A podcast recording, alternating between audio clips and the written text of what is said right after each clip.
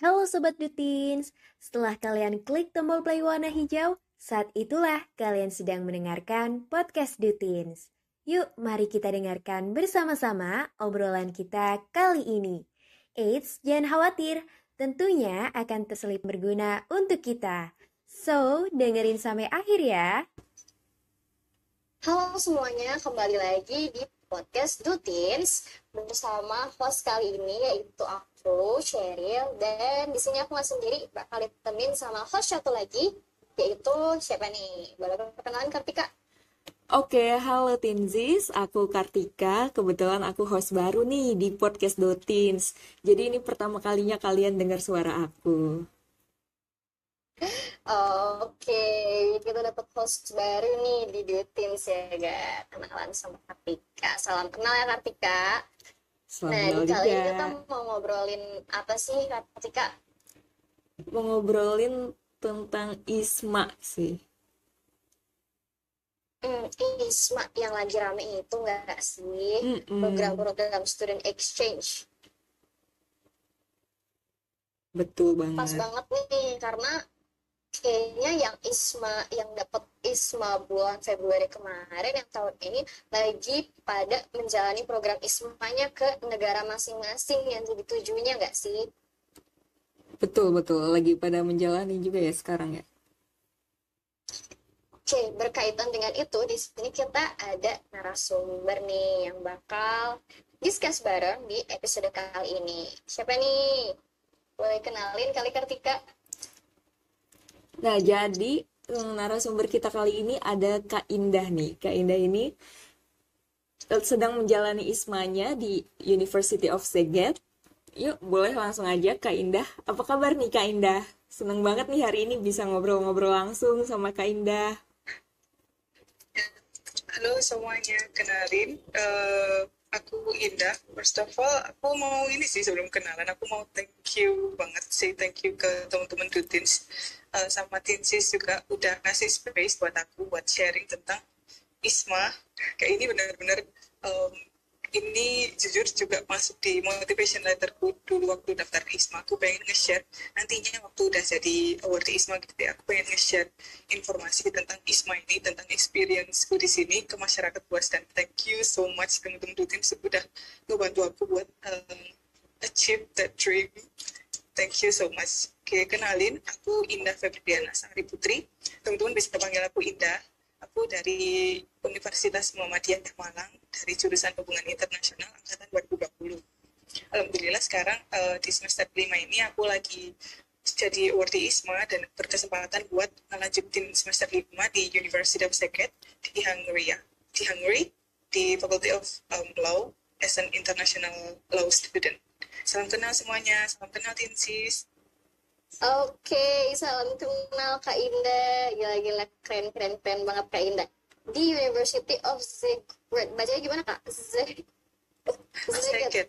Iya. Zagreb ya, Zagreb. Itu bahasa Hungary emang ya? Iya. Artinya apa tuh Kak? Atau emang kota? Eh, ini kota sih. Recording stopped. Oh oke, kota ya. University of Zagreb. Di Hungary. Oke, keren banget. Kita juga mau saya thank you sih Kak, soalnya di sini ada Kak Indah sebagai narasumber kita bisa menambah wawasan nih terkait ISMA kepada tinzis tinzis kita tercinta. Aku yang thank you sih. Mungkin eh, gimana nih Kartika? Hmm? Apa nih yang mau kita bahas duluan? Aku kayak rasanya udah nggak sabar banget nih mau dengar cerita Kak Indah tentang pengalamannya menjalani program ISMA ini mulai dari mungkin mulai dari mendaftarnya terus pas proses menjalaninya apa aja yang dirasain gitu sih. Tapi mungkin kan nggak semua Tinzis tahu program ISMA nih ya Kak Indah. Boleh dong di-spill dikit gambaran singkat tentang ISMA tuh apa sih? Oke, iya sih. Emang sebelum kita kayak jump itu experience tentang ISMA, ini teman-teman juga perlu tahu sih ISMA itu apa. Tapi aku yakin teman-teman juga udah sering gitu lihat eh, seperlibat gitu ya ISMA, entah di sosial media atau di mana gitu. Jadi simpelnya eh, ISMA itu kayak ada program dari Menteri Kemendikbud ya buat mahasiswa di seluruh Indonesia itu untuk um, sekolah nih ngerasain experience kuliah di luar negeri selama satu semester. Kayak kalian tuh bebas pilih Recording in progress. yang tersedia di um, website ISMA kalian bisa cek di websitenya. Itu ya udah kalian tinggal um, sesuaiin aja sama preferensi kalian mau kuliah di mana mau kuliah di negara apa maksudnya. Kayak gitu gitu nah kalian nggak perlu bingung tentang biaya soalnya full ini dibiayain sama LPDP jadi ya udah kita tinggal um, sesuaiin aja diri kita dengan requirementnya ya udah kita adjust diri kita. Kita itu um, usahain buat ngefulfill persyaratannya itu tadi terus ya udah daftar aja di ISMA. Ini salah programnya Merdeka Belajar Kampus Merdeka atau MBKM pasti teman-teman juga udah tahu. Dan yang eligible buat ISMA ini mahasiswa di semester 3 sama 5 ya teman-teman. Jadi uh, 4 sorry, sorry 4 sama 6 jadi nanti bakal ngelanjutin ISMA-nya itu di semester 5 atau di semester 7 gitu. Itu sih teman-teman. Intinya program beasiswa dari um, Kemendikbud gitu buat belajar di luar negeri selama satu semester. Menarik banget kan? Itu sih kak Kartika kak Sheryl hmm oke okay, oke okay, kak. Terus gimana sih kak e, bisa ceritain nggak dulu kakak mendaftar ISMA tuh seperti apa? Sama apa sih motivasi kakak daftar ISMA? Hmm, oke okay. tentang motivasi sebenarnya aku tuh kayak pasti teman-teman juga udah ngerasain gitu. Pasti pengen uh, ngerasain gimana sih rasanya kuliah di luar negeri gimana sih ngerasain studi di luar negeri gitu. Ya udah kita eh, 12 tahun sekolah di Indonesia gitu ya dari SD sampai SMA nah gimana sih rasanya belajar di negeri orang uh, bukan dari sistem Indonesia gitu bukan dari sistem pendidikan yang selama ini kita rasain. Itu sih yang memotivasi aku yang kayak jadi uh, apa ya kayak api kecil gitu di dalam diri aku buat uh, memotivasi aku biar daftar ISMA ini. Dan kebetulan bilang um, suatu hari itu ya kemarin aku lihat um, in, informasi tentang pembukaan pendaftaran ISMA di Instagram kampus aku Instagram um, KUI ya atau International Office di kampusku di UMM itu tentang um, pembukaan pendaftaran ISMA. Dan kebetulan ini um, long story short itu aku langsung bilang ke ibuku aku langsung bilang kalau ini ada um, kesempatan buat nyoba kuliah di luar negeri selama satu semester dari pemerintah. Aku boleh daftar gak? Kayak gitu gitu aku minta restu terus kayak uh, langsung di approve gitu teman-teman. Kayak langsung ya udah daftar aja coba gitu. Terus alhamdulillahnya uh, ya itu setelah itu aku langsung kayak um, berdedikasi tinggi gitu buat ngelanjutin pendaftaran ini. Dan alhamdulillahnya uh, bisa sampai sekarang. Uh, sampai sekarang bisa ngisi podcast ini sharing tentang experienceku di ISMA sama teman-teman Dutins itu kayak aku simple cita-cita pengen ke sekolah di luar negeri itu aja sih yang memotivasi aku hingga share Oke, oke. Terus kenapa tuh kak milihnya di Hungary gitu? Apa ada alasan tertentu kakak di University Zagreb of Zagreb?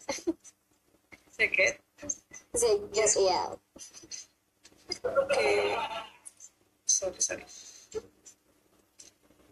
Jadi um, di kemarin di waktu pendaftaran awal itu kayak kita itu dapat kesempatan buat pilih dua negara sebenarnya ya pak dua kampus itu tuh benar-benar bebas dibebasin sebebas-bebasnya buat milih kamu mau milih satu di Asia, satu di Amerika, satu di Eropa, satu di Asia atau, atau gimana itu terserah teman-teman.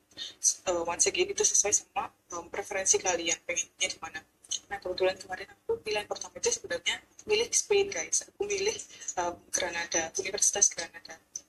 Um, alasannya kenapa? Soalnya aku lihat ini sih, aku lihat mata kuliahnya itu jadi apa ya kayak alasan penting gitu.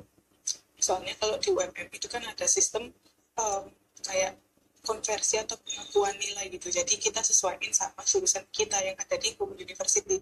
Dan itu makanya um, ini juga jadi tips itu untuk nantinya gimana buat milih um, negara atau kampus host university buat ISMA. Kalian harus konsultasiin itu sama dosen pembimbing kalian. Apakah nanti kalau misal kalian milih di negara tersebut dengan mata kuliah tersebut itu um, approve nggak sama dosen pembimbing kalian? Kayak gitu. Nah alhamdulillahnya aku approve di um, Granada sama Seket cuma kebetulan ya koda dua ya aku keterimanya di pilihan kedua di Bungaria di Universitas Seket tapi so far di sini benar-benar um, sesuai ekspektasi aku. Kayak kita benar-benar belajar dan alhamdulillah waktu aku kuliah di sini selama kurang lebih udah tiga bulan ya aku di sini ya. Itu uh, mata kuliah yang aku ambil itu benar-benar relate sama um, apa yang harusnya aku pelajari di semester lima di UMPMD gitu. Jadi itu sih kalian harus pinter-pinter uh, ngelihat kampus sama mata kuliah yang bakal kalian ambil di host university nanti waktu milih ISMA. Itu sih Kak Sheryl.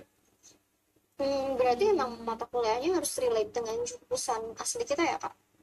Nah, itu um, beda-beda tiap kampus kayak kebijakannya itu beda-beda gitu. Ada bahkan um, case-nya di salah satu di, ya, di beberapa teman-teman ISMA lain ya. Itu kampusnya itu menyarankan buat beda beda jurusan jadi kayak lintas jurusan gitu linjur sedangkan di kampus lain itu harus sama di bahkan di ISMA teman-teman kalau teman-teman tahu di ISMA itu sebenarnya nyaranin kita buat pilih lintas jurusan jadi beda gitu um, beda bidang sama jurusan kita yang ada di Indonesia. Kita harus pilih bidang mata pelajaran yang beda gitu di uh, luar negeri di post university. Nanti waktu ISMA. Sedangkan kampus ada beberapa kampus yang menyetujui hal tersebut jadi harus sama gitu.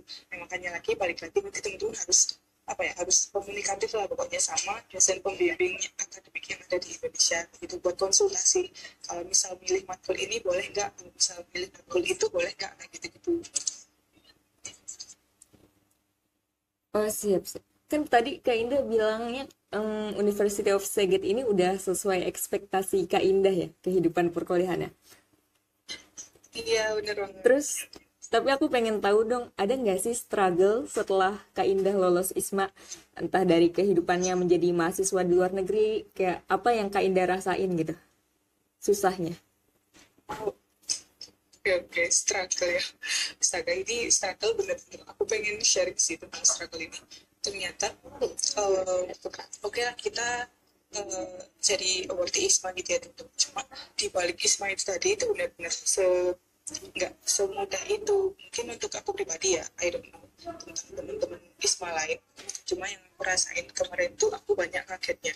Kaget kayak benar-benar shock gitu nggak cuma tentang lingkungan ya, tapi benar-benar hal simpel sesimpel transportasi atau sesimpel bahasa language barrier itu benar-benar ngebuat aku kaget dan itu uh, benar-benar jadi struggle buat aku. Yang pertama itu ya language barrier itu tadi.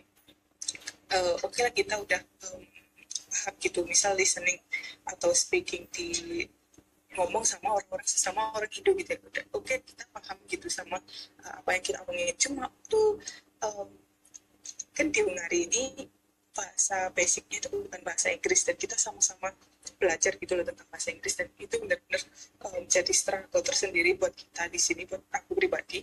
Soalnya ya itu tadi kayak kebanyakan kita itu jadi salah paham gitu jadi misunderstand gitu tentang apa yang kita omongin. Dan uh, itu juga aku rasain waktu uh, kelas sih. Jadi aku lebih harus benar-benar waktu kelas itu aku harus melihat nih dosennya sambil memperhatikan mulutnya. Beliau ini ngomongin apa? Beliau ini ngomong uh, bilang kata apa sih? Aku kayak itu kayak harus sampai kayak gitu. Bukan uh, bukan apa ya? Bukan nggak fasih ya. Cuma benar-benar ternyata uh, butuh effort gitu untuk memahami uh, bahasa di sini. Walaupun itu ngomong pakai bahasa Inggris. Itu language barrier benar-benar jadi struggle utama sih. Nah untuk selain itu juga aku ngerasain ini pengalaman hidup sendiri. Dan itu benar-benar apa ya, sulit banget buat aku saatnya. Jujur aja teman-teman ini pertama kalinya aku jauh dari orang tua. Aku sebelumnya nggak ngekos jadi pulang pergi itu ya udah naik motor dari rumah ke kampus. Dan sekalinya pergi jauh ini langsung ke luar negeri gitu. Dan aku harus hidup sama teman baru. Aku harus tinggal sama mereka aku harus uh, tinggal satu kamar sama mereka masak sharing mandi sharing kayak gitu, gitu dan itu juga jadi struggle tersendiri buat aku di awal-awal. Walaupun alhamdulillah sekarang udah mulai enakan ya udah mulai benar-benar udah mulai nyaman sih. Nyaman itu terus uh, struggle lain itu homesick. Bener-bener uh, homesick ini jadi yang paling sulit buat aku yaitu lagi. Aku barusan baru India jauh dari orang tua. Dan kayak aku bener-bener dua minggu full itu nggak nggak nggak bisa ngapa-ngapain gitu. Nangis terus di kamar. Nangis terus. Kayak kepikiran aku pengen pulang pengen pulang. Dan itu bener-bener bulan satu dua minggu. Terus alhamdulillahnya di um, setelah itu udah mulai enjoy dan sampai sekarang. Terus, terus lagi ya tentang struggle-nya ini sih mungkin karena uh, kita lagi hidup di tempat yang minoritas muslim itu jadi minoritas dan itu juga jadi struggle sih. Makanan halal di sini itu ada. Kayak dua restoran dua atau tiga ya? Dua kayaknya. Itu tapi ya nggak kantong student kantong mahasiswa friendly gitu jadi mahal makanannya. Ya banyak keluar duit gitu ya iya benar benar-benar kayak ya udah kita kalian sama masak jadi beli groceries gitu per per minggu atau per bulan terus kita masak sendiri. Terus nah ini juga jadi struggle itu tempat sholat. Di sini ada Islamic Center buat sholat gitu kayak masjid. Cuma uh, dibukanya ya waktu sholat aja. Jadi kalau misal kebetulan pas waktu sholat itu kita lagi kelas ya udah kita ketinggalan masjid kita harus cari tempat sholat lain gitu. Biasanya sih kalau aku ini aku nggak tahu ya teman-teman bisa ditiru enggak. Cuma uh, aku kemarin itu beberapa kali sempat sholat di mall. Jadi pas waktu sholat itu masjidnya udah tutup kan jadi kita terpaksa sholat di mall di ruang ganti. Kayak itu sih. Teman-teman di semua lain di sini juga kayak gitu. Itu benar-benar jadi pengalaman yang struggle juga tapi lucu sih kalau misal tak inget-inget lagi sekarang tuh berarti berarti ini ya kayak kalau sholat tuh dituntut biar kita tepat waktu gitu. Iya mm -hmm. benar. Jadi ada harus sholat gitu iya sholat sholat lewat waktu sholat udah lewat gitu masjidnya langsung udah ditutup dikunci gitu. Berarti nunggu lagi waktu sholat berikutnya kayak gitu. Hmm, bener-bener harus ini ya berarti dijaga waktu sholatnya iya, benar. dan jadi tips-tipsnya mungkin tadi uh, sholat di ruang ganti. Oh ya kak aku mau yeah. dong. Kantor itu ada kayak language barrier. Kalau misalkan di kelas kan pakai bahasa Inggris itu tetap tapi kalau misalkan kehidupan sehari-harinya di sana mereka emang mayoritas pakai bahasa Inggris gitu atau mereka lebih prefer pakai bahasa daerahnya sendiri kalau sejauh ini di di Seket yang aku tahu ya teman-teman bahasa Inggris itu benar-benar ada di tempat-tempat yang kayak pabrik aja kayak misal mall gitu. Dan itu nggak semua. Dan mereka ini uh, mungkin sama aja ya kayak di tempat kita di Indonesia kayak bahasa Inggris itu bukan jadi bahasa utama gitu. Jadi nggak semua orang bisa bahasa Inggris. Dan itu juga sama di Sedaga juga kayak gitu di Mari jadi kalau kehidupan sehari-hari ini juga lucu sih. Jadi kita itu lebih banyak pakai bahasa tubuh. Jadi misal uh, beli di supermarket kecil gitu ya uh, misal beli minum atau beli susu gitu kita itu waktu mau bayar pakai kartu kan tinggal tap tap aja gitu ya tinggal uh, ditempel gitu. Karena kita sama-sama nggak bisa pakai uh, kita as Indonesian nggak bisa pakai bahasa uh, orang Hungari nggak bisa pakai bahasa Inggris gitu gitu. Jadi uh, kasirnya ya situ jadi kalau kita mau bayar itu kayak nunjuk-nunjuk kartunya gitu loh. Terus card card kayak gitu terus baru kita oh, baru orangnya paham terus kita bayar kayak gitu. Kayak banyak banget uh, kayak bahasa tubuh sih di sini. Sambil nunjuk sesuatu gitu. Misal mau uh, ya itu kan kayak mau ke kamar mandi misal ya. Toilet toilet kayak gitu gitu. Terus mau sholat masjid masjid itu pernah sih aku alamin itu di um, di luar waktu di sini. Kayak gitu. Jadi kayak kebanyakan pakai bahasa tubuh dan bahasa isyarat itu. Itu sih. Berarti uh, agak bottleneck juga ya tantangan yeah. untuk kita kehidupan sehari-harinya di sana. Ketika yeah. mau beli beli makanan kah atau apa iya yeah, benar terus juga. terus kan tadi kayaknya juga cerita soal masak-masak. Nah yeah. makanannya di sana sama di Indo juga beda-beda nggak sih kak? Kayak mungkin bahan-bahannya atau uh, ciri-cirinya gitu ya di sini uh, ada sih, ada yang sama, ada yang beda ya. Mungkin ya udah kayak gitu sih. Tapi ada salah satu kayak tentang makanan ini makanan khas Hungaria namanya langos langos itu kayak bentuknya kayak pizza pizza gitu tapi tekstur dan rasanya kayak cakwe kalian bisa bayangin gak guys kayak gitu tapi uh, untuk overall makanan di sini jujur hambar. Mungkin kalian juga udah pernah dengar kalau makanan di luar itu hambar-hambar nggak se tasty nggak se kayak rasa kayak di Indonesia gitu. Dan itu proven by me.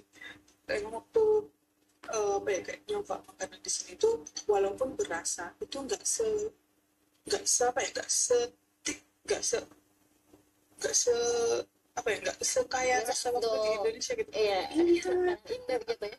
ya katakanlah nasi goreng ya. Misalnya di sini tuh kayak ada nasi ya kayak nasi goreng lah hampir hampir sama gitu nasi bumbu. Kita udah ekspektasinya udah waduh ini pasti enak gitu warnanya menggoda kayak berasap-asap gitu. Tapi waktu kita rasain itu hambar emang kayak gitu guys? Emang kayak gitu. Makanya kita lebih mm, lebih banyak masak di sini. Tapi kayak kalau bumbu-bumbunya gitu terbatas nggak? Hmm, bumbu-bumbu iya sih di sini eh, kalau misal eh, se- sependek yang aku tahu ya tuh eh, kalau misal mau cari micin atau mau, mau cari bumbu saus tiram gitu-gitu harus ke Asian Market. Jadi kayak di supermarket umum di sini tuh nggak ada gitu-gitu. Hmm. Iya jadi cuma ada yang gula garam gitu-gitu iya. Banget soal micin semua Saus tiram. semua bakso pasti di sana nggak ada dong iya. Aku cari tepung maizena itu nggak nemu di sini. Kawan Wow. itu.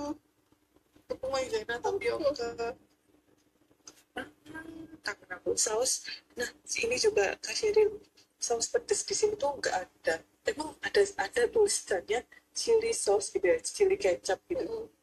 Cuma itu nggak pedas banget rasanya kayak saus tomat biasa. Nggak ada saus pedas di sini.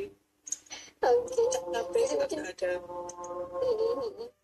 Berarti mungkin nanti cek eh, orang-orang yang mau ikut ISMA ini bisa di prepare dulu kali ya lidahnya Ya. biar menyesuaikan Ya, dengan benar. negara yang dituju betul-betul harus se- disesuaikan juga sih. Tipsnya juga bawa bumbu dari Indo itu bisa. Gitu Oke Kak Indah, aku mau nanya nih. Kan tadi Kak Indah banyak bahas tentang language ya, bahasa sama kalau mm, biaya hidup di untuk hidup di Hungari itu mahal dan makanya Kak Indah milih buat masak. Tapi ada nggak sih skill-skill spesifik yang dibutuhkan biar bisa survive di negeri orang ketika kita menjadi mahasiswa asing saat menjalani ISMA gitu Kak? Oke, first of all di sini tentang biaya hidup ya. Itu kayaknya mahal cuma ya udah di restoran halal itu aja sih. Kayak makanan halal itu di sini mahal. Cuma kalau misal barang-barang di supermarket di pasar gitu-gitu harganya sama sih kayak di Indo. Bener-bener sama. Bahkan eh, minyak gula gitu itu masih belasan ribu. Itu lah di sini kayak sepuluh ribu sebelas ribu susu UHT di Indo kayaknya udah nginjak dua puluh ribuan gak sih? Nah di sini itu masih kayak dua belas ribu satu liter itu. Itu sih itu. Kayak biaya hidup eh, jangan khawatir kalau di Mari terutama di Zagat mungkin karena ini juga student friendly di sini. Jadi eh, biaya hidup itu masih terbilang murah dan kita kan juga dapat eh, sangu ya dari pemerintah itu kok khawatir tentang itu. Oke. Khusus makanan halal aja itu yang mahal. Tuh terus untuk skill skill ya sih ini penting banget skill. Pertama menurutku ya yang harus um, kita punya tuh uh, keberanian sih. Kayak kan di sini kita um, minoritas ya. Kita dari Indo gitu kita dari Indonesia ke negara orang. Di mana pun itu nggak cuma di Bali. Kita itu minoritas. Dan kalau misalnya kita takut buat ngapa-ngapain ini in term of good things ya konteks yang bagus ya. Misal uh, ngapain ya mau mau tanya alamat kah mau tanya sesuatu kalau misal kalian nggak berani buat take action gitu itu bakal nyulitin kalian sendiri gitu. Makanya menurutku pertama kalian harus dipunya itu ya keberanian itu. Dan ini uh, aku ngomong gini bukan berarti aku udah berani banget atau udah memiliki keberanian yang advance gitu yang bagus gitu. Cuma aku juga masih belajar. Dan itu yang aku pelajari kita harus berani um, at least kalian tahu apa yang harus dilakuin. Dan kalian um, sadar itu bukan hal yang buruk gitu. Ya udah lakuin aja. Um, misal mau tanya ya udah tanya aja kayak gitu. Uh, harus berani ngomong juga. Harus berani tanya harus berani ngomong. Milih atau mutusin sesuatu kalian harus um, decide everything well waktu um, udah di negeri orang gitu. Soalnya um, waktu kan berjalan cepat waktu juga berjalan gak tanpa kita sadari gitu loh dan kalau misal nurutin ketakutan kalian yang gak jelas yang gak tentu kalian nakutin apa itu bakal menyulitkan kita sendiri kayak gitu. Jadi itu sih harus berani yang pertama. Terus time management. Ini benar-benar um, di aku pribadi itu benar-benar ke shape banget. Kayak se apa ya se se effort itu buat nge-manage waktu. Soalnya kan di sini kerja di Unari di jaket terutama itu kan kita pakai ke mana itu pakai public transportation ya. Pakai bis pakai tram pakai kereta gitu-gitu. Dan itu ada jadwalnya. Dan kalau misalnya udah kalau kita meleng dikit itu ya udah ketinggalan. Dan kita harus wasting another time untuk nunggu. Dan di sini itu kalau di um, bis dari dormku ke kampus itu cuma datang sejam dua kali ya udah kalau misalnya kita kelewatan salah satunya itu kita harus ngentang nungguin gitu jadi benar-benar harus adjust kegiatan kita sama jadwal bis kayak gitu itu sih itu juga termasuk apa ya, hmm, itu bukan hal yang struggle banget cuma ngelatih lah itu skill yang harus kita punya di sini time management itu terus kita juga harus pinter-pinter memilah mana sih hal-hal yang perlu diprioritaskan sama yang enggak soalnya jangan sampai kita itu terlena ya terlena terlalu terlena terlalu sibuk sampai nggak bisa enjoy. Jadi harus benar-benar balance antara hal-hal yang kita senengin sama hal-hal yang emang perlu kita lakuin kayak gitu. Itu sih tentunya. Time, time management sama keberanian itu sebenarnya yang harus kita punya di sini. Oke, tuh Tinsis buat yang mau ikut program ISMA mungkin bisa disiapin dari sekarang ya keberadiannya sama time managementnya disiapin. Terus Kak Indah pasti kan ada benefit ya atau manfaat yang Kak Indah dapatkan setelah menjalani program ISMA ini. Boleh nggak sih diceritain benefit yang Kak Indah rasain? oh, pengalaman yang aku rasain ini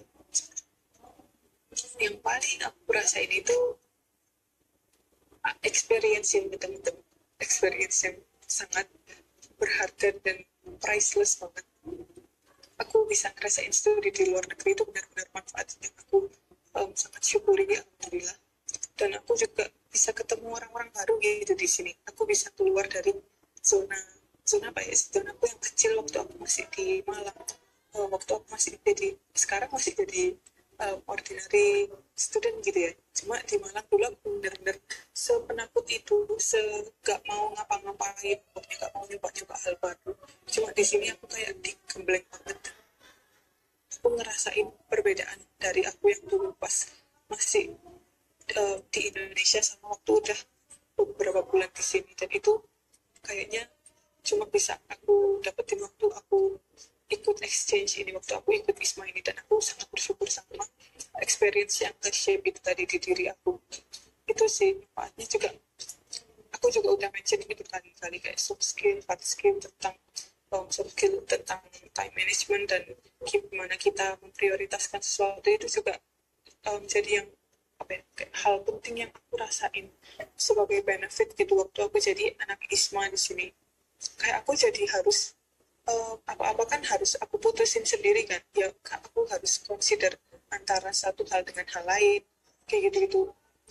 Dan itu waktu di Malang aku benar-benar ngetengin hal tersebut. Aku ya udah kayak ada waktu luang ya udah aku santai-santai gitu. Cuma waktu di sini aku bisa nyoba banyak hal baru yang aku sebelumnya nggak tahu gitu. Misal kayak sesimpel masak tadi. Aku di Malang jarang masak. Di sini harus masak terus. Di Malang ke mana-mana naik motor sendiri. Di sini harus adjust sama waktu bis harus adjust sama waktu tram kereta kayak gitu gitu itu sih harus adjust sama jadwal sholat itu tadi. Itu tadi sama jadwal kelas dan uh, apa ya kayak ini aku juga sering dibilangin sama teman-teman Isma sama di sini teman-temanku. Kayak ini tuh proses pendewasaan diri yang aku sadari kayaknya waktu di Malang aku bakal sulit mendapatkan itu deh. Dan aku dapat uh, pendewasaan itu dengan mudah waktu aku ikut ISMA itu menurutku yang paling apa ya beneficial buat aku. Itu sih. Oke, oke. Jadi kayak ini ya, kita manfaatnya ikut ISMA, gimana kita sebagai pemuda untuk memperluas pengalaman kita, wawasan kita, hidup di negara orang, buat iya benar uh, include nih ke proses pendewasaan diri kita. nah, Nah, iya. mungkin kan tadi ini masih proses, mm, itu kan kayak manfaat yang didapetin dari Kak Indah nih selama menjalani program ISMA. Mungkin ada nggak sih harapan-harapannya dari Kak Indah ketika program ISMA ini berakhir? Oke, kapan itu ISMA berakhir? Aku pengen lebih banyak sharing sih, kayak gini, kayak ke teman-teman tinsis, teman-teman. Aku pengen um, apa yang aku dapetin waktu aku ISMA ini, orang-orang itu juga ngerasain gitu, walaupun um, cuma lewat apa ya, lewat cerita gitu. Ya, aku harap mereka bisa ngerasain apa yang aku rasain hal-hal baiknya. Cuma aku benar-benar pengen nge-share apa yang aku rasain waktu um, aku jadi awardee ISMA di Hungaria waktu aku jadi awardee ISMA di Szeged waktu aku jauh dari keluargaku waktu aku jauh dari Indonesia kayak gitu aku pengen cerita ke mereka pengalaman apa aja sih yang aku lakuin di sini? Apa aja sih yang harusnya nggak mereka lakuin di sini? Kayak gitu gitu so aku pengen lebih banyak sharing ya, kayak ngobrol gitu sama mereka. Sama orang-orang banyak yang maksudku sama masyarakat luas entah itu teman entah itu uh, sharing di sosial media entah itu kayak ngikutin podcast buat gitu untuk didudukin sini. Itu intinya aku pengen share pengalaman di sini dan harapannya aku pengen apa ya mengimplementasikan apa yang aku pelajari di sini. Di sini itu tadi aku ke mana-mana berani sendiri. Aku eh, masak terus aku nyuci baju sendiri. Terus kayak jadi mandiri banget gitu loh. Aku pengen mengimplementasikan apa yang aku lakuin di sini tuh di Malang kayak di rumahku. Aku pengen semandiri ini. Gitu sih. Aku pengen semoga harapannya apa yang aku pelajari di sini entah itu akademik atau non akademik terus relasiku sama temen-temen Isma di sini tuh nggak keputus dan aku bisa ya udah aku bisa ngebawa semua experienceku bisa aku manfaatin juga di Indonesia kayak gitu. Itu sih Kak Sheryl. Amin, semoga harapannya terwujud ya kak ya. amin ya Nah, terima berkaitan dengan sharing experience nih kak.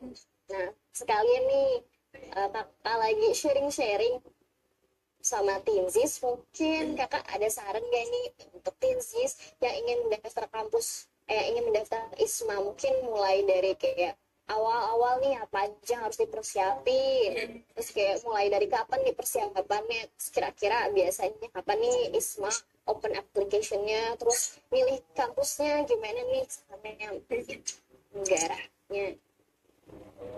Tuh, pertama-tama tentang persyaratan ISMA, aku mau ngomong ini sih sama temen kalian matengin dulu motivasinya buat ikut ISMA itu ngapain.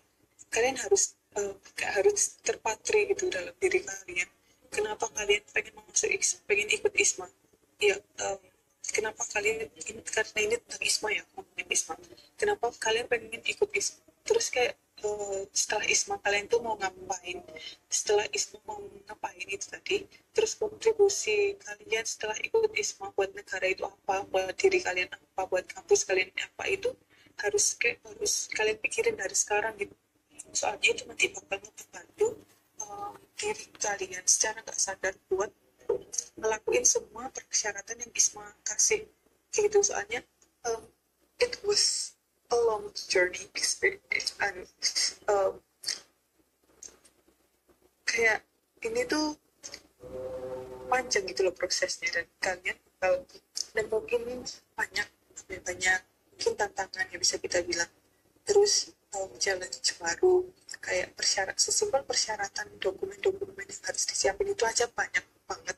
Dan kalian harus um, get ready dari sekarang. Makanya itu tadi kayak motivasi kenapa kalian ikut ISMA itu penting banget kalian pikirin dari sekarang. Dan aku juga udah mention itu ke temen-temenku um, di Universitas Muhammadiyah mana kayak ya udah beberapa anak-anak ada yang teman beberapa ada yang tanya kayak gimana sih biar um, bisa daftar ISMA biar bisa lolos ISMA gitu? Ya udah kalian matengin dulu motivasinya gue kayak gitu. Itu aku juga pengen itu ke tinsis semuanya uh, tentang dokumen-dokumen mungkin aku nggak bisa sebutin satu-satu saking banyaknya ya. Mungkin tapi um, SKCK itu bisa itu itu juga di, itu juga diperluin. SKCK dari kepolisian itu terus surat bebas narkoba terus surat per, surat pernyataan dari orang tua dari diri kalian dari kampus surat rekomendasi kayak gitu. Itu tuh penting uh, nanti bakal diminta tapi uh, kalian gak perlu khawatir soalnya nanti ISMA juga bakal ngelis gitu kayak kalian harus uh, fulfill dokumen apa aja gitu. Terus esai ya uh, motivation letter itu juga penting buat disiapin. Makanya tadi aku mention kalau motivasi kalian ikut ISMA itu apa itu harus dipikirin dari sekarang.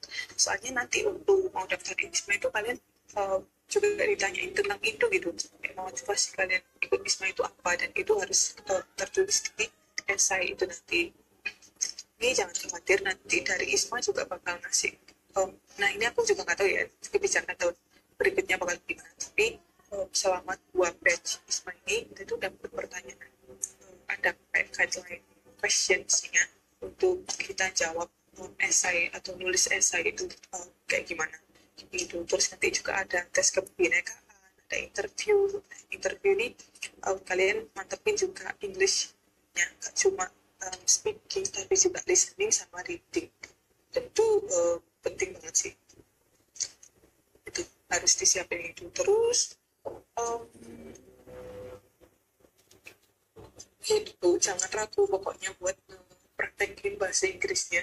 Ya udah kalian ngomong sama kakak atau ngomong sama temen uh, kayak bercanda-bercanda pakai bahasa Inggris itu tuh bakal ngebantu. Walaupun sekarang kayak kedengarannya konyol gitu ya atau lucu gitu atau malu gitu. Gak usah malu gak usah ngerasa ragu ya udah dipraktekin aja bahasa Inggrisnya. Soalnya itu bakal bermanfaat gitu buat uh, buat nulis esai atau buat interview. Itu terus itu tips-tipsnya mungkin yang paling uh, penting banget itu kalian harus percaya diri. Soalnya aku yakin pasti nanti kalian daftarnya entah dari kampus yang sama atau dari kampus yang berbeda itu pasti bakal nemuin orang yang lebih baik. Dan emang semua orang itu lebih baik dari kita ya. Kita bakal nemu yang oh, um, hal yang membuat kita itu ngerasa insecure lah dia um, anaknya pinter banget bahasa Inggrisnya dia udah berprestasi banyak ini dan itu um, aku bisa nggak ya bersaing uh, ngelawan dia atau bersaing sama dia kayak gitu gitu. Jangan nggak usah mikir kayak gitu ya udah um, just do your best. Nggak usah mikirin hal yang lain percaya diri dan minta restu orang tua itu sih dan berdoa. Kalian do your best dan berdoa. Oke, kalau tadi kan perihal persyaratan nih kak. Kalau sekarang aku mau nanya nih, ada nggak sih tips jitu atau kunci yang harus dilakukan mahasiswa lainnya agar dapat lolos ISMA? Entah mungkin harus jadi mahasiswa yang berprestasi, atau mungkin harus yang IPK-nya tinggi, atau yang mungkin bisa harus punya sertifikat yang banyak banget, atau dapat beasiswa yang banyak banget sebelumnya. Ada nggak sih kak kunci untuk lolos gitu? Guys tentang itu aku tuh um, jujur aku nggak bisa ngasih jawaban yang pasti. Soalnya banyak banget temen-temenku ini nggak di kampusnya nggak di kampusku aja ya tapi di kampus-kampus lain. Soalnya kita juga saling sharing informasi gitu ya. Cuma banyak banget pendaftar yang uh, mereka ini oke okay, IPK-nya bagus dia juga berprestasi ikut organisasi ini dan itu dia uh, menang lomba ini dan itu. Cuma kodarullah waktu daftar ISMA mereka nggak uh, nggak lolos gitu. Padahal uh, katakanlah ya udah itu tadi ya dia itu masih berprestasi banget.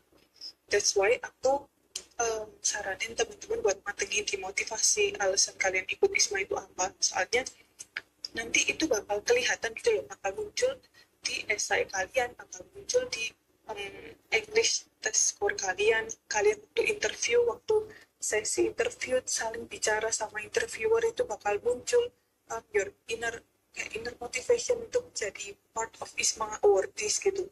Dan itu um, apa ya hal yang tidak kita duga gitu loh. Jadi ya udah benar-benar uh, ini bagus banget kalau misal teman-teman ada prestasi tapi kalian juga jangan cuma ngandelin prestasi itu doang buat uh, ikut ISMA tapi juga matengin di hal-hal lain kayak motivasi. Oke okay, oke okay kalian berprestasi cuma kalian nggak terlalu termotivasi untuk ikut ISMA itu bakal kelihatan juga kayak gitu.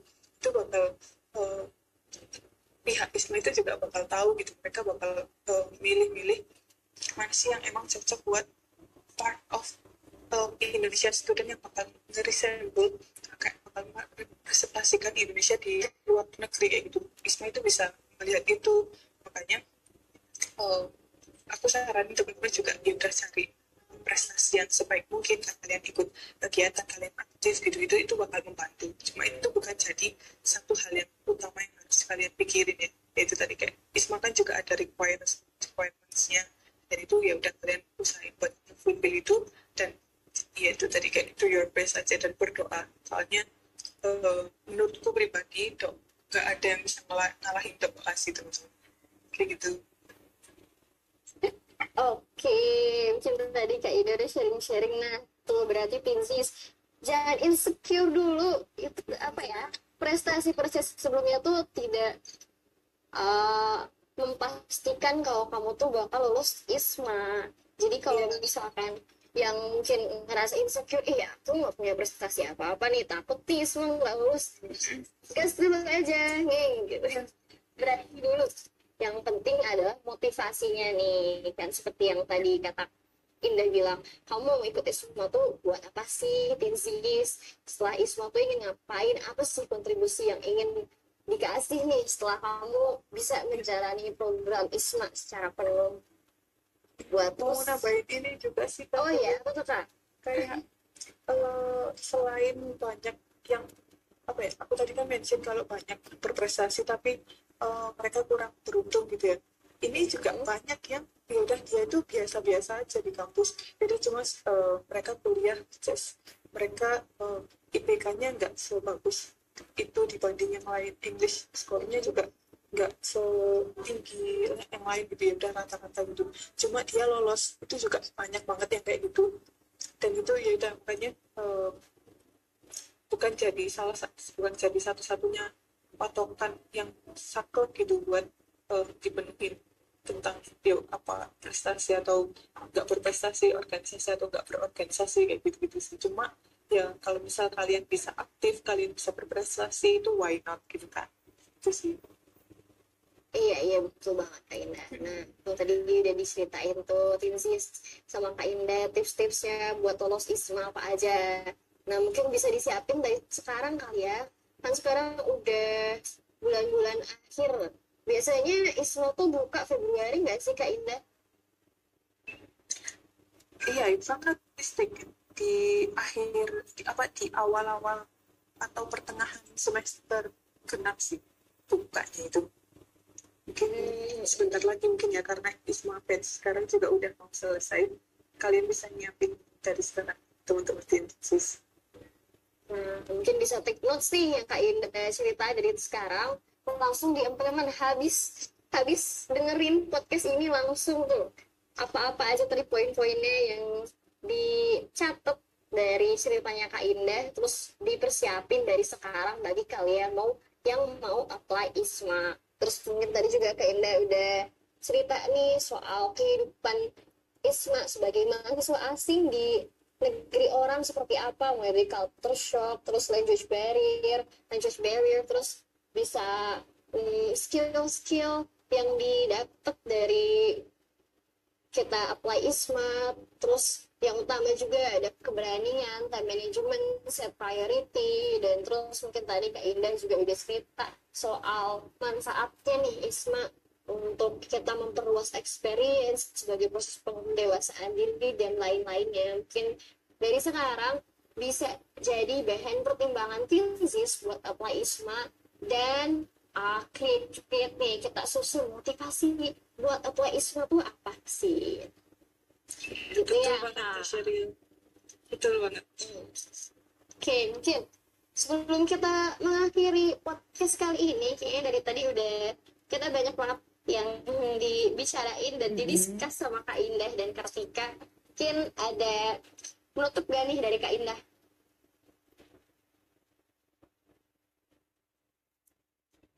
untuknya mungkin aku ngulang yang aku udah ngomongin tadi sih ini kalian uh, percaya diri aja buat daftar. Nggak usah lihat lingkungan kalian. Just do your best. Dan let God do the rest gitu. Ya kalian juga bakal oh, udah sering denger itu. Dan jangan lupa berdoa dan minta restu orang tua. Itu penting banget sih. Gitu. semangat aku harap uh, teman-teman yang dengar podcast ini semua dapat kabar baik tentang pendaftaran ismanya di next batch. Semangat semuanya. Oke, gimana nih Kartika? Duh, nggak terasa banget ya. Kayak udah udah di penghujung podcast. Sebelumnya aku mau berterima kasih banget buat Kak Indah karena udah mau meluangkan waktunya untuk sharing pengalaman menarik tentang program ISMA ini, mulai dari pendaftaran, tips milik kampus, dan lainnya yang pasti bakal bermanfaat banget sih buat Tinzis yang dengerin podcast ini. Makasih banyak ya Kak Indah. Bener banget. Thank you Kak Indah. Terima kasih teman-teman terima kasih. Akhir jangan lupa untuk dengerin podcast Dutins episode yang lainnya. Pokoknya nggak kalah serunya deh. Sampai jumpa.